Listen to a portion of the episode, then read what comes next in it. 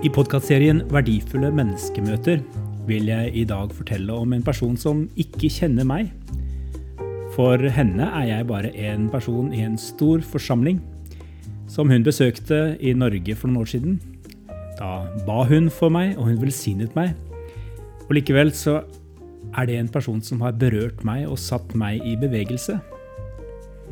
Jeg snakker om egyptiske Maggie Gobran.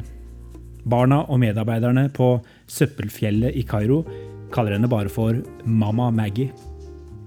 Denne uka er mange menigheter i Norge med på den nasjonale misjonsaksjonen Sammen som kirke i hele verden. Vi i bymenigheten Sandnes vi har i flere år støttet prosjekter i Egypt gjennom våre samarbeidspartnere Stefanusalliansen, NMS og Åpne dører. I årets Egyptaksjon fokuserer vi bl.a. særlig på Stefanusbarna på Søppelfjellet. Denne organisasjonen som Mamma Maggie startet på slutten av 80-tallet, og som Stefanusalliansen har støttet siden 2005. I Kairos søppelby lever tusenvis av fattige.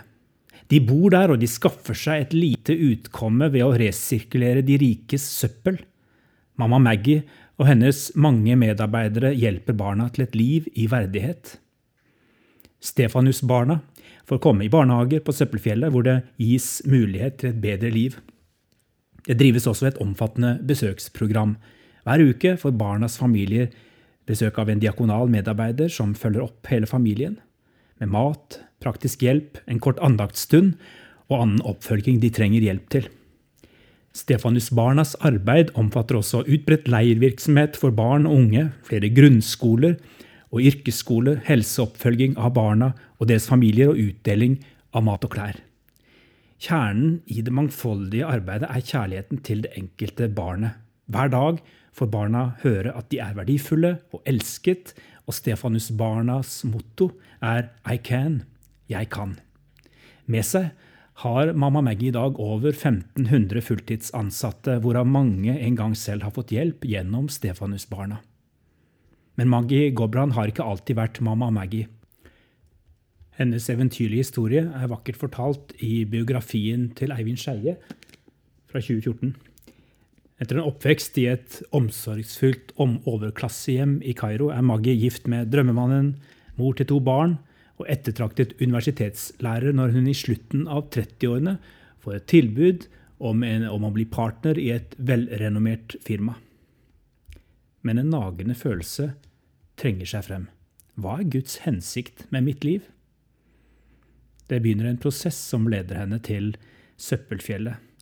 En gang på slutten av 1989 starter det som skal bli livskallet til Maggie Gobran. Da begynner hun og en kollega med faste besøk til familier som bor på søppelfjellet Mokatam. Det er et praktisk arbeid hvor de møter familiene og prøver å finne ut hva de kan hjelpe dem med. De har bestemt at de vil ha oppmerksomheten særlig rettet mot unge som er i tenårene. Men gjennom disse ungdommene når de ut til alle i familien, både de voksne og de yngre barna. Hun var helt siden starten opptatt av at diakonalt arbeid ikke bare kunne handle om å gi almisser, ikke bare dele ut penger til livsopphold, Istedenfor å skape tiggere må vi gi de trengende av vår kjærlighet og tid, og ikke bare drysse ut penger, sa hun. Det ødelegger selvrespekten til mennesker når hjelpen skjer uten at de blir berørt av kjærlighet. Arbeidet som Maggie Gobran startet i 1989, har hele tida vært preget av hennes sterke gudstro. Hun har blitt værende i den koptiske kirken som hun ble født inn i, men har også hentet stor inspirasjon fra evangelisk kristendom, bl.a. ungdom i oppdrag. Når Maggie langt senere i livet skal snakke om den tida hun fikk kallet til å begynne med Stefanusbarna, sier hun det slik. Jeg pleide å undervise ved det amerikanske universitetet i Kairo. Kairo er en by med 17 millioner innbyggere, verdens tredje største by.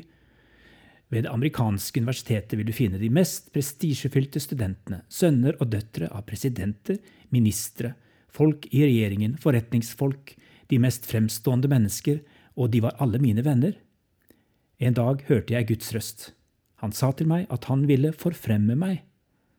Nå underviser du disse studentene, men jeg vil at du skal gå til en helt annen type slags studenter. Jeg vil at du skal gå og undervise, og selv bli undervist av de fattigste av de fattige, av barna. Hva fant jeg der han ønsket å forfremme meg? spør Maggie. Gud ventet på meg der. Det fins en hemmelighet blant de fattige, sier mamma Maggie. Deres hemmelighet er at Gud har skjult seg mellom dem. Jeg har min tjeneste i et land hvor det ikke alltid er mulig å bygge en kirke, men ved Guds hjelp kan jeg likevel bygge en kirke, et usynlig tempel i verden. Jeg bygger denne kirken i hjertet til hvert barn jeg møter. Det finnes noen mennesker som utrustes til helt særskilte oppgaver i Guds rike. Å sammenligne seg med disse kan gjøre oss motløse. Vi skal jo heller ikke dyrke dem som overjordiske mennesker. Men jeg er takknemlig for ledestjerner som Mamma Maggie, som speiler Kristi kjærlighet på en kompromissløs måte. Hennes ukuelige innsats blant fattige er en stor inspirasjon. Fra møtet med henne da hun besøkte Norge for noen år siden, er det også en annen ting som har festet seg sterkt i meg. Det var da hun utfordret oss kristne i Norge til å ikke glemme hvor vi henter kilden til vår tro og kjærlighet fra. Gjennom mange århundrer har vi kristne i Egypt vært en liten, kjempende minoritet i et sterkt muslimsk samfunn. Hva har gjort at troen har overlevd? spurte hun. At Bibelen blir lest og ikke glemt. Skal troen i Norge overleve, må også dere drikke av kilden, sa hun. Deretter utfordret hun alle oss som var til stede. Les gjennom hele Bibelen hvert år. Gjør det til en del av din livsrytme. Rekk opp hånden alle som er villige til å avgi dette løftet. Jeg hørte til dem som rakk opp hånda. Og etter den dagen så har jeg begynt å gjøre det. Noen dager skorter det på gjennomføringsevnen, men det har blitt en vane å lese såpass mange avsnitt i Bibelen hver dag at jeg omtrent har vært gjennom alt en gang årlig. Så er ikke den ene måten å lese Bibelen på det saliggjørende, men jeg tror mamma Maggie har rett. Skal vår tro overleve, trenger også vi i Norge å drikke dypt og lenge av kilden daglig for å kunne gi det livsviktige vannet videre til neste generasjon. Så setter altså ikke mamma Maggie opp mot hverandre, det åndelige og det fysiske. Det har vi mennesker så lett for å gjøre. Hun viser at det henger sammen. Like viktig som rent vann er for å overleve fysisk, er Guds ord for å overleve åndelig. Å, menneske, sier hun, om du bare visste hvor sterkt Gud ønsker å øse ut sin kjærlighet over deg. Om du bare kunne forstå en liten flik av Guds kjærlighet og ane i et ørlite glimt hvor høyt Gud elsker deg. Hvis du vil være med å støtte Stefanus-barna gjennom Bymenighetens Egypt-aksjon 2021, så finner du mer informasjon om aksjonen på våre hjemmesider. Ha en velsignet dag der du er.